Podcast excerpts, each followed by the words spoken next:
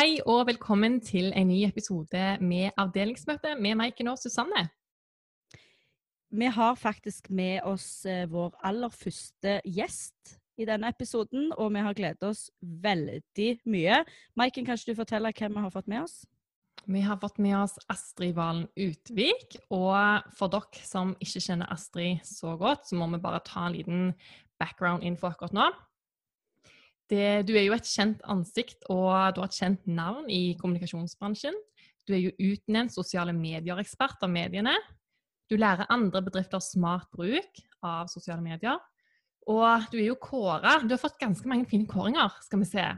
Du er en av Norges mektigste kvinner innen mediekommunikasjon i 2012. Årets sosiale medie-ildsjel i 2016. Og ho, jeg må trekke pusten. Du ble jo årets sosiale medier-personlighet i 2017. Hva tenker du til denne flotte utmerkelsen? Nei, eh, det er eh, stas, det, altså. Eh, absolutt. Det er jo en stund siden disse, sånn, særlig den listen til Kapital i 2012 er liksom Det begynner å bli noen år siden nå. Så det er ikke sånn jeg går Det er ikke det første jeg sier når jeg møter nye mennesker. Men, men det er klart, det er jo helt vilt. Det er veldig, var veldig, veldig rart å havne på den lista med med liksom eh, sjefsredaktører og politikere, og jeg bare Ja, jeg skjønner fortsatt ikke helt hvordan det skjedde. Kan ikke du fortelle i korte trekk hvem du er, og hva du brenner for? Jeg er eh, en mor til tre, bor på Nesodden sammen med mannen min og eh, vår hund Lucky og disse tre barna. Og er utgangspunktet utdanna siviløkonom, men har jobba med salg og ledelse og rekruttering etter at jeg var ferdig med det. Helt til jeg da for ja, nå er det snart elleve år siden, startet eget selskap og begynte å jobbe med sosiale medier for bedrifter. Og det var det ikke så veldig mange som gjorde da, når jeg eh, gjorde det. Så vi har på en måte hatt et lite sånn forsprang. Uh, og jobber som tullinger på å fortsatt klare å liksom ja, gjøre det, da. jobbe med sosiale medier og prøve å bistå bedrifter med å skape godt innhold i disse kanalene her. Eh, hva jeg brenner for, så vil jeg si at jeg er eh, veldig veldig opptatt av liksom, hverdagskommunikasjon. Elsker hverdager generelt, men er liksom opptatt av at eh, jeg tror det er, det er, det er fint å ha svære kampanjer og få liksom masse kunnskap eller informasjon eller hva du skal ha ut til folket på kort tid, men jeg tror at det aller viktigste er det du gjør i hverdagen din. Da. Og at man kanskje skal få jobba litt mer med å få bedrifter til å skjønne at de trenger å liksom få synergier mellom alle de ulike investeringene de gjør, og ikke bare eh, tenke at liksom, sosiale medier er en liten øde øy. Ja, virkelig. Praise. Men eh, jeg må bare gå litt tilbake til eh, utdanningen din. fordi eh, jeg og Susanne gjorde jo litt sånn bakgrunnsinfo på deg. Og jeg ble faktisk litt overraska da jeg så at du hadde gått Norges handelshøgskole. Ok, nå ble det jo ingen typisk bankjobb på deg. Og sosiale medier, altså dette faget, det er jo ingen profesjon. Men hva var det som gjorde da at du, at du nemlig ikke fikk en typisk bankjobb, men starta dette? Nei, altså det er, eh, det er, mye tilfeldigheter. Jeg var veldig bevisst på at jeg skulle gå akkurat den skolen. Eh, det tror jeg nå hadde veldig mye med at jeg hadde en lærer på videregående som mente at det var liksom riktig skolen for meg, og så digga jeg henne. Så jeg tenkte å, jeg elsker Bergen. Så jeg var liksom sånn ja, men det er god match, uten at jeg egentlig hadde så mye kontroll på hva det var for noe. Men når jeg gikk der, så var jeg veldig fornøyd med studiet. Det eneste jeg visste når jeg var ferdig, var at jeg ikke skulle bli revisor eller konsulent, eh, som jo er det liksom to typiske tingene man blir der, da. Og uten at det var at jeg skulle disse de yrkene av noe slag, men jeg bare visste at var, jeg trengte noe annet. Men jeg visste ikke helt hva, eh, så det endte opp med at jeg ble selger. Og det er jo litt sånn Det, det var nok en del av mine studiekompiser og venner som var sånn hm, Skal du være Sivøk og, og bli selger? Det høres veldig rart ut. Men for meg så var det helt riktig, for det var en sånn form for å Det å lære å snakke med veldig, veldig, veldig mange forskjellige mennesker eh, ha et eller annet eh, du har lyst til å selge de. Eh, jeg tror vi alle egentlig er selgere hver eneste dag i alt vi holder på med, fordi at vi skal prøve å selge et konsept eller en idé, eller eh, å gjøre det på en måte som gjør at du da får formidla det du har lyst til å få formidla. Altså, det var kjempenyttig læring. Og så ble jeg leder for et salgsteam, og så jobba jeg med kundeservice og bygde opp en kundeserviceavdeling. Og så, så jobba jeg mye med litt sånn teknologigreier ved siden av. Det var liksom mer en sånn hobby. I permisjonen med den siste frøkna vår, så, så liksom var det veldig tilfeldig at det ble at jeg starta eget selskap da, og, eh, for å jobbe med sosiale medier. Det var mer enn Jeg skulle bare hjelpe Home and Cottage med Ja. Valen Utvik, det er rett og slett den lille babyen din? Ja, det er faktisk det, altså. Ja, det er, baby nummer tre? Ja, nei, nummer fire. Oh, Vi har ja, jo ja. tre barn fra før. Ja. Og fem, uh, ja, eh, fem med hunden. Og fem med hunden, ja, Men- ikke minst. Det var noen som sa til meg her om dagen at å drive med salg er jo egentlig bare å hjelpe folk. Og da snudde det litt for meg at det er sånn Ja, eh, det er jo det de jeg tenker på som driver med salg, som jeg syns er kjekke og flinke folk. Det er jo egentlig det de gjør, da. At de avdekker problemer og hjelper folk å finne løsninger. Og da, Nettopp. ja, så finnes det jo mange som jobber med salg og egentlig ikke hjelper noen, men det er jo en annen diskusjon. Ja, men akkurat det. og jeg derfor- Jeg mener jo at salgsyrket får et veldig sånn Altså det er en god grunn til det, men det har et veldig dårlig rykte. Eh, man, liksom det å bli selger er jo liksom det verste du kan tenke deg. Men, men eh, jeg tenker ikke på salg på den måten. Jeg har jo solgt våre tjenester i elleve år, men jeg har jo aldri eh, Jeg tror ikke at de jeg snakker med opplever meg som en pushy selger. Fordi det er jo det, akkurat det det handler om, er å finne ut at ok, hva, hva er ditt liv, hva er dine utfordringer, hva er dine muligheter, hva, hvordan kan jeg hjelpe deg med det? Og hvis du Mm. finner det, så opplever ikke folk at det er sånn en pushy selger på andre siden. Da opplever de at oi, det er noen som ser meg, og ser mitt behov, og har lyst til å hjelpe meg. Og det er en helt annen måte å selge på. Hva er salgsstrategien din? Nå ble jeg litt nysgjerrig. Tør du å dele den?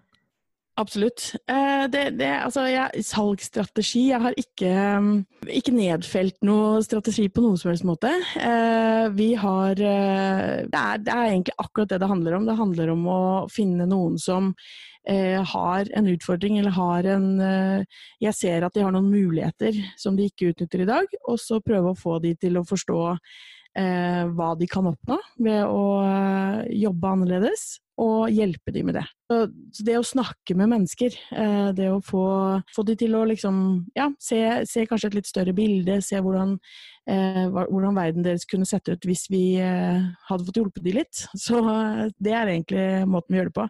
Men på de elleve årene som jeg nå snart har holdt på, så har jeg jo aldri tatt en telefon ut til noen som ikke har hørt om oss eller snakket om oss. Eh, alt har på en måte kommet inn. Og det er jo fordelen med å jobbe i de kanalene som vi jobber i, er jo at vi blir synlige her. Og så er det litt utfordrende med at vi på en måte styres jo veldig av hvem som tar kontakt med oss. Ikke så mye av at eh, vi har en ringeliste eller bedrifter som vi offensivt går ut og tar kontakt med, da. Løye du sier det, for dette du Susanne, du har jo òg et sånt selskap. Og du sa jo akkurat det samme, gjorde du ikke?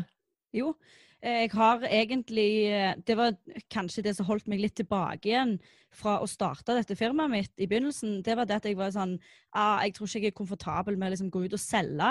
Og så sa jeg til pappa ja, nå har jeg 20 kunder, og jeg har aldri solgt og jeg sluppet unna det. Han bare jo, men alt du legger ut på LinkedIn og Instagram stories og osv., det er egentlig salg, Susanne.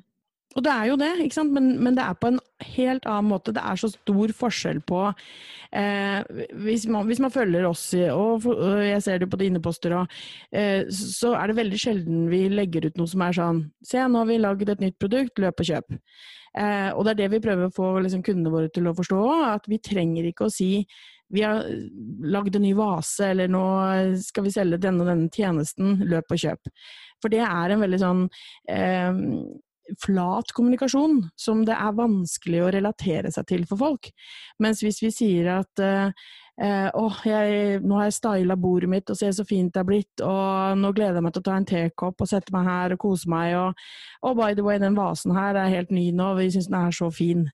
Oi, den vasen er fin, den har jeg lyst til å kjøpe, hvor får jeg kjøpt den? Det er en mer sånn indirekte måte å selge på, som gjør at folk opplever eh, De opplever ikke å bli liksom pusha på For det, vi, vi har ikke lyst til å bli solgt til. Folk flest har ikke lyst til å bli solgt til. Og Nei, jeg må, bare si, jeg må bare si en ting det der med når, når folk skriver 'Å, hva koster den vasen?' eller hvor den er fra. Fordi jeg er en av de som scroller i kommentarfeltet først for å se om noen andre har stilt det spørsmålet, sånn at jeg kan slippe. Så du kan sikkert tenke deg at 50 stykker lurer på akkurat det samme. Ja, nettopp. Men når dere lager så masse innhold for så mange forskjellige bransjer, hvordan eh, går dere fram for å komme opp med ideer til dette innholdet? Eh, Det er, eh, det, er noe av det jeg elsker mest. fordi eh, det, det handler nok mye om at jeg er en veldig nysgjerrig person. Jeg har egentlig lyst til å ha kunnskap innenfor alle områder om alt. Altså, Så lenge det er noe jeg ikke kan, jeg ikke vet noe om, så tenker jeg å, det er interessant. Da har jeg lært noe nytt i dag, på en måte. Og det bruker vi overfor kundene våre. Så det vi ikke vet, og det vi lurer på med hvordan det er å drive en forlagsvirksomhet, eller om det er å eh, drive en stor kjede eller en liten nettbutikk, eller hva det måtte være av eh, form for kunnskap, da, som ofte vel, alle bedrifter sitter på en hel haug med kunnskap som de ikke tenker på er egentlig det som er gullet deres. Det som gjør at de skiller seg ut. Vi bruker den nysgjerrigheten vi selv har, og den, det vi lurer på om dem, til å prøve å vri det til å lage innhold basert på det, med hele tiden fokus på at vi skal skape verdi for målgruppen deres. Da. Har du noen favorittkanaler å jobbe med?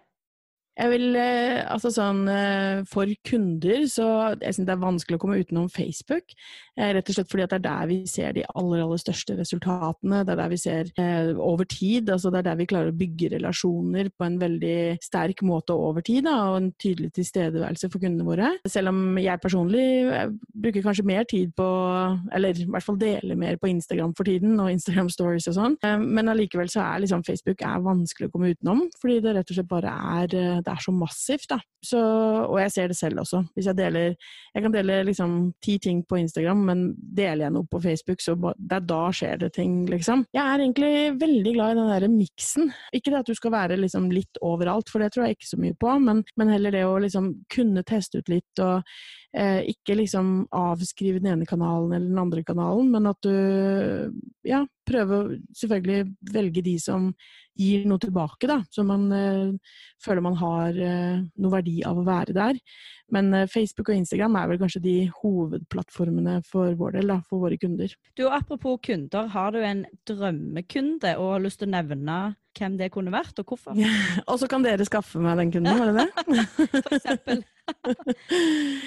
ja, nei, altså det der er en sånn greie som jeg har tenkt på lenge før jeg hadde flere folk som jobba i VU og alt sånn, at åh, bare jeg får litt mer tid nå, så skal jeg liksom, nå skal jeg finne hvem drømmekunden min er, og så skal jeg gå, for jeg liker jo faktisk salg, eh, så skal jeg gå etter de, og skal jeg prøve å få drømmekunden. Men eh, altså, vi har snakka litt mer om det liksom, de senere årene, og jeg har en eh, gjeng hos oss uh, i, i VU som er veldig glad i smågodt, så Yummy Heaven har lenge vært en sånn drømmekunde. Bare, de bare 'Å, vi kan lage så mye nå, vet du. Du kan bare um, Og nå er vi faktisk i prat med de, de har tatt kontakt, så det er jo litt sånn helt Ja, vi får se, men det hadde vært fantastisk gøy. Du, jeg kan ellers... spise mer smågodt. Jeg er ene og alene pga. Kristine som jobber hos dere. Ikke sant? Nettopp. nettopp. Det er ikke positivt, men uh... har, har, har, dere begge to vært i godtebutikken i Stavanger? Den som er helt nede med kaien? Nei. Den heter vel Godtebyen. Den, eh, den tror jeg dere liker. Jaså. Ja, nei, der ser du. Nå begynner det å ja. mange, mange, kvadratmeter med godteri der. Og så har vi jo Dropsen, som de er vel fra Stavanger, men har utvida til, til Oslo, tror jeg. Nei, jeg vet ikke. Mm. Ja, nei, det er, det er, mye man kan ta tak i der. Eh, men ellers så er det også eh, Vi er, er har litt, eh, flere av oss som liker grønne planter, så vi er liksom Hageland og Plantasjen-type kunde. Ja. Eh, det tror jeg hadde vært helt magisk å få lov til å bare dykke inn i det og kalle det jobb, liksom. Mm. Eh, finne ut av planter og hvordan og hva, og gi tips og råd og eh, Ja, nei, det tror jeg hadde vært helt, helt gull. Og ellers er det liksom bare altså, mer kanskje ikke nødvendigvis hvilken merkevare, men, men bedrifter som kan noe. Eh, altså som har mye kunnskap å by på. Innenfor Ja, det kan nesten være hva som helst. Og de er med på at vi får formidla det på en god måte, da. Altså, det er så herlig å liksom lære noe, eller å få mm. lov med å jobbe med hobbyene sine. Det er jo helt, ja, det, er det som er drømmesituasjonen. Har du lyst til å nevne tre ting som du mener bedrifter kan gjøre i dag da, for å bedre sin egen synlighet i sosiale medier? Ja, det er jo um, Altså, det jeg skulle ønske bedrifter gjorde uh, for å liksom eller skjønte for å få mer synlighet i sosiale medier, er jo nettopp det at de, eh, vi må tenke langsiktig. Eh, for det er ikke noe vanskelig å få synlighet i sosiale medier i dag. Det er kjempelett. Det er bare å bruke massevis av penger.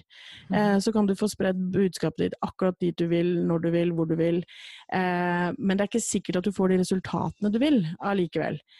Eh, så det å liksom tenke litt mer langsiktig på det, og heller tenke at eh, ja, du kan få veldig høy oppmerksomhet på kort tid nå, men det å få eh, oppmerksomhet over tid, og bygge relasjoner som faktisk betyr noe. At eh, folk etterlyser innhold og, og budskapet ditt, liksom, istedenfor at de bare blir pusha på deg. Så det å ha litt mer sånn ro i ræva, tenke litt langsiktig. Mm. Det å også tenke litt mer på hvordan du kan skape verdi for målgruppen din istedenfor at det skal være verdi for deg. Veldig mange bedrifter som rister på hodet og ikke skjønner hva jeg sier når jeg sier det. For det er sånn Jo, men vi må jo selge produktene våre.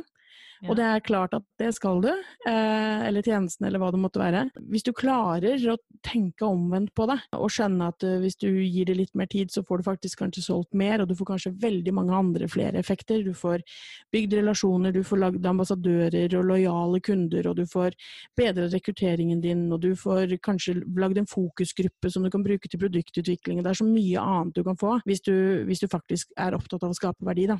Ja, og Også, det henger jo gjerne veldig med langsiktig langsiktighet òg? Ja, det gjør det. Det henger veldig sammen med det. Eh, og så det siste tror jeg vil være det å eh, Jeg tror det er så utrolig mye eh, bortkasta penger der ute.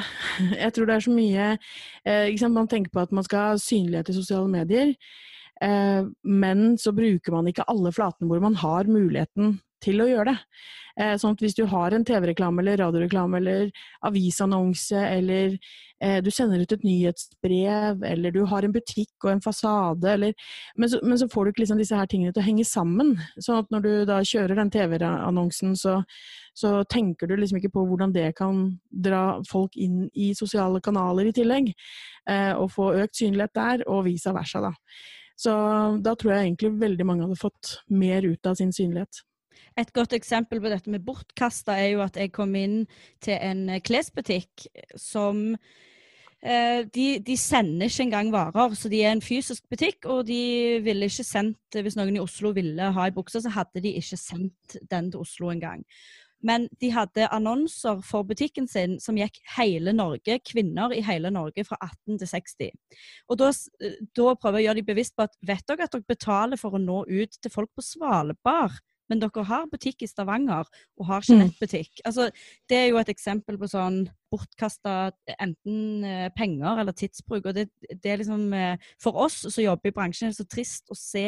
Ta, tanken er jo god, at man kjøper seg mer synlighet, men det er bare å vite hvordan du skal bruke disse verktøyene. Ja, og at den synligheten faktisk er den fra de menneskene du, som er viktig for deg. At det er fra den riktige formen. For som sagt, det er ikke noe vanskelig å få de høye tall. Eh, og dessverre så er det litt for mange dårlige rådgivere, syns jeg, der ute. Eh, innenfor eh, en del av de som bl.a. selger den type synlighet.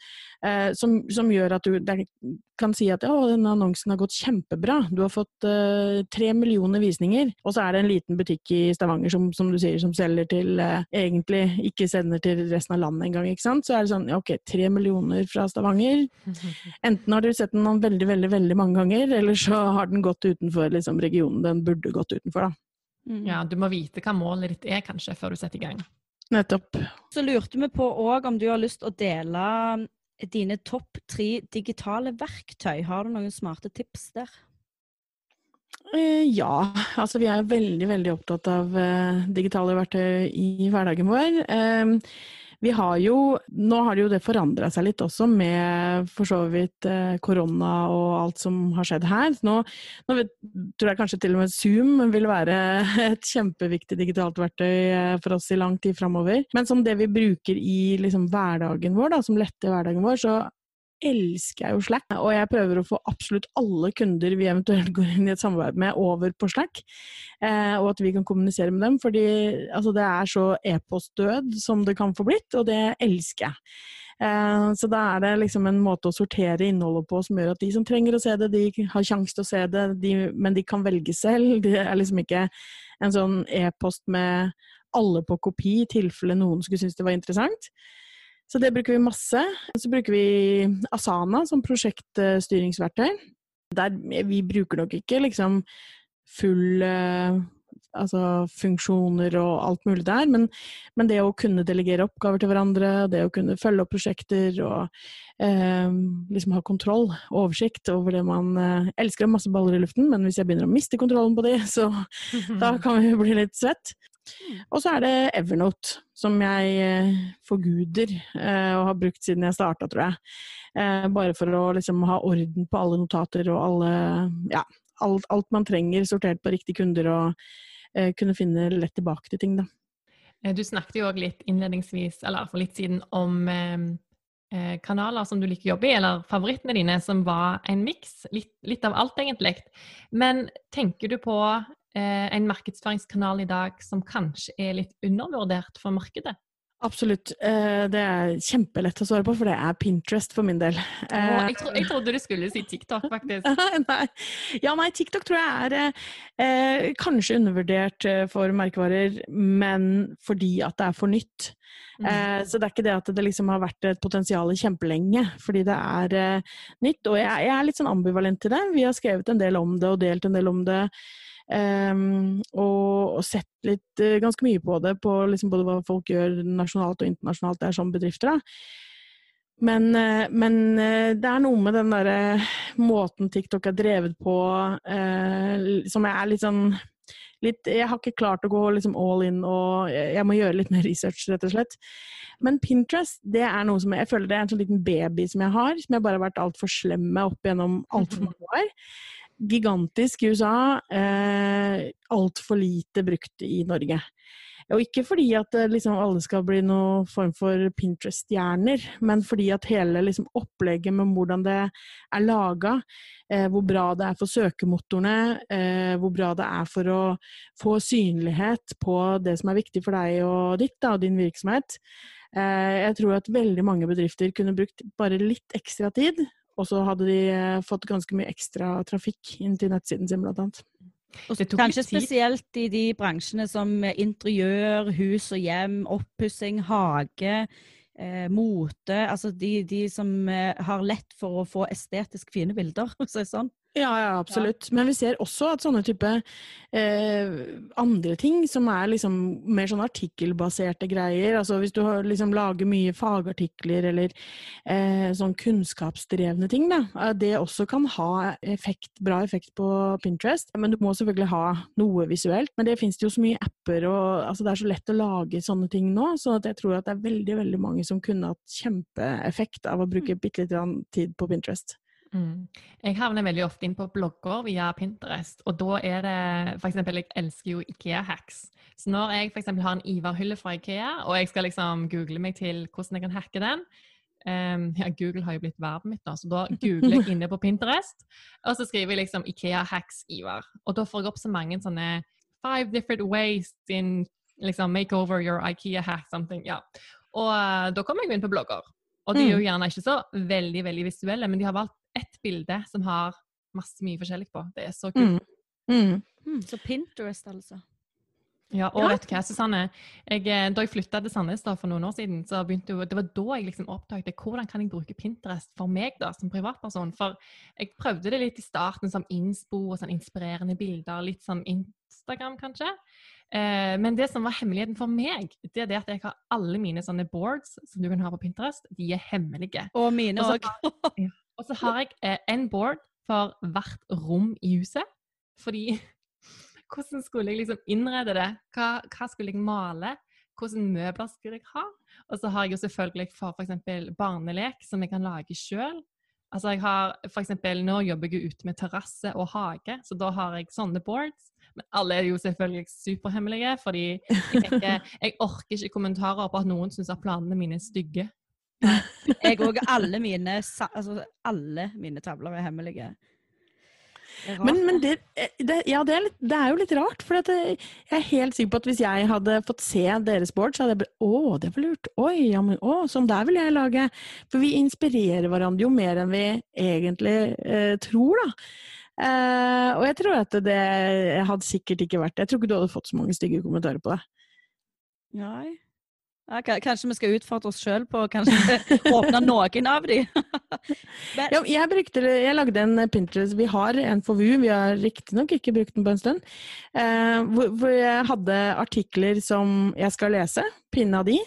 Eh, og så hadde jeg et board for disse artiklene anbefaler jeg at andre leser. Og så kunne man liksom, eh, sånn at folk kunne følge det og på en måte få det som våre anbefalinger på ting som vi syntes var interessant innenfor bransjen. da. Eh, så det er liksom veldig mange forskjellige måter man kan bruke det på, som ikke bare er sånn hus og hjem også. Mm. Um, så nei, nå tror jeg jeg skal ta meg skinnet og gjøre noe mer på Pinterest. Jeg er inspirert i alle fall til å gjøre alle mine brett offentlige. Oh. Jeg gleder meg til å se. Ja, det skal jeg gjøre. Vi skal dele det på Instagrammen vår, Susanne. Ja, det kan vi gjøre. Men Mm. eh, du Astrid, vi, vi ser jo på deg og tenker sånn Å, hun er så flink og profesjonell, men har du noen gang i sosiale medier gjort noe som du angrer på, eller tabba deg ut? Ja, herregud, selvfølgelig har jeg det. Ehm, Jeg har, eh, ja, nå, heldigvis noen år siden, men eh, jeg har satt opp annonser for Bymiljøetaten, og så Hva var det jeg gjorde? Enten så glemte jeg å skru av, eller så putta en ekstra null på spending-budsjettet, eller et eller annet. Så jeg brukte i hvert fall veldig mye av kommunens penger som ikke var meningen. Ti ganger mer enn Ja. Nei, altså jeg husker ikke helt hvor mye kanskje jeg fortrenger sånt veldig fort, faktisk. Sånne feil. Um, og vi har posta med liksom feil merkevare på feil konto, svart med feil merkevare på feil konto. Uh, men, men jeg er faktisk uh, så irriterende at jeg vil si at det ikke er liksom tabbe Eller det er jo tabbe, selvfølgelig, eh, men det er ikke så farlig. Eh, fordi at det er noe vi lærer av hele tiden. Og det gjør at ok, så tester, sjekker vi litt ekstra over før vi setter på det budsjettet til den annonsen, eller har vi skrudd av når vi skal skru av, eller altså Vi lærer av det, da. Sånne glipper skjer hele tiden. Bare håndtere det bra. Det er godt å høre at uh, dere òg gjør feil av og til. Ja. Det, det tror jeg skjer overalt. Det er det å være menneskelig. Ja. Hva tror du trender i sosiale mediebildet om si, to år? Ja, det er et uh, sånt spørsmål som, uh, er, uh, som jeg ofte får.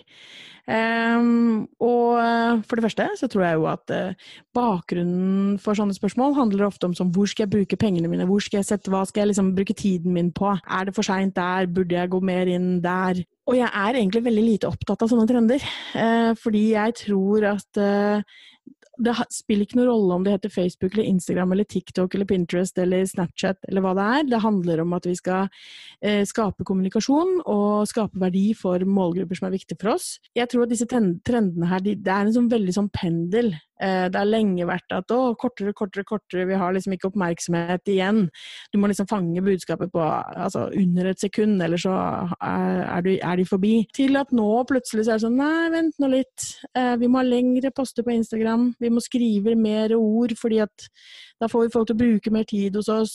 Vi må ha lengre videoer, for folk bruker faktisk tid på å se på video hvis innholdet er bra nok. Og jeg tror at det er det det liksom handler om. Eh, det kan godt tenkes nå at eh, Jeg blir ikke overraska om veldig mange merkevarer nå sier sånn Hei, TikTok, det er vår greie. Eh, og hopper over dit og syns det er kjempestas og gøy. Eh, nå har jo Instagram kommet med Instagram Reel, så kanskje de tar en del av den kaka. Det tviler jeg heller ikke så mye på. Men liksom om to år Kjempevanskelig å si. Eh, Jeg tror at det skal godt gjøres å være en plattform som på en måte skal komme nå, helt ny, og bare danke ut Facebook og Instagram. Det tror jeg er kjempevanskelig. Fordi at det er, vi har liksom, det har, det har blitt noe mer enn en sosiale medieplattform. Det har blitt liksom navet i kommunikasjonen vår. Vi har alle vennene våre der. Vi har liksom livet vårt der. Da. Eh, så hvis du skal ha en sånn type brukermasse, så tror jeg du skal, da skal du ha klart å finne noe helt eksepsjonelt som gjør at folk bare stikker. Men jeg tror at eh, video kommer fortsatt til å være viktig, men jeg tror ikke at tekst er forbi allikevel. Liksom. Jeg tror ikke det er eh, sånn at det eneste du må gjøre nå, er video. Eh, Jeg tror bilder og video og tekst, den komboen, er superviktig. Det som på en måte vil være en evig trend, er bare rett og slett å være opptatt av å lage bra innhold, og ikke bare hoppe på noe som alle andre gjør. For eh, jeg tror kanskje det var to år siden, så tror jeg det var en ekspert i media òg som sa at Facebook kom til å dø. At det var ingen som ville bruke Facebook om to år. Ja, det, det ser vi stadig vekk, faktisk. Jeg hadde et foredrag på Social Media Days hvor jeg viste det fra ja, det tror jeg var i 2019, og da tror jeg jeg viste eh, en sånn, sånn type medieekspertsoverskrift fra 2018 og fra 2014, hvor de hadde sagt akkurat det samme. Og jeg har fortsatt ikke dødd. Så det tror ikke, jeg tror ikke det skjer. Det foredraget var jeg faktisk på. Det var veldig bra. Da tok jeg bilde av det du hadde på skjermen som var 'Facebook eh, skal dø', eller 'Facebook har dødd', eller et eller annet sånt. Ja, for, men sant, det det handler om, da, det er egentlig dårlig Eller litt late markedsførere. Fordi at hver gang Facebook skrur på de algoritmene sine, så kommer den overskriften. Nå har det blitt vanskeligere for oss å få innholdet vårt ut og opp og fram, så nå dør Facebook. Eh, men det er jo ikke det det handler om. Det handler om at de skrur på de algoritmene sine for at vi lager for dårlig innhold, som gjør at folk scroller for fort forbi oss, for de vil se mer av vennene sine isteden. De vil se mer av det som de faktisk er opptatt av. Så hvis vi lager litt bedre innhold, Eh, og ikke tenker at disse algoritmene er liksom egentlig vår fiende, eh, og at Facebook bare gjør det for å plage oss, plage markedsførere, men heller tenker at eh, det gjør de fordi vi ikke har gjort en god nok jobb, så tror jeg kanskje at vi kan bli litt mer venn med disse algoritmene. Du, eh, Susanne. eh, vi er jo faktisk nødt til å skrive et referat etter i dag. Ja. Eh, og Astrid, det har vært utrolig kult å ha deg med på avdelingsmøtet vårt. Det har vært veldig veldig stas å få være med. Så Susanne, hvis vi skal, sam hvis vi skal gi et kort eh, sammendrag her og nå det jeg, eh, det jeg, tar med meg for dette, er jo e-, egentlig det at samme hva kanal du velger, eh, så handler det om å gi verdi til de du skal nå ut til. Det tenker jeg i hvert fall er en av de tingene jeg har tatt med meg. Ja, Og langsiktighet. Ja. At, eh, og at ting gjerne ikke kommer liksom pang med en gang. Men eh, tusen takk for at du kom, Astrid. Og eh, her tror jeg det er mange gode råd som både vi kan ta til oss, og eh, lytterne våre. Veldig stas å få være her.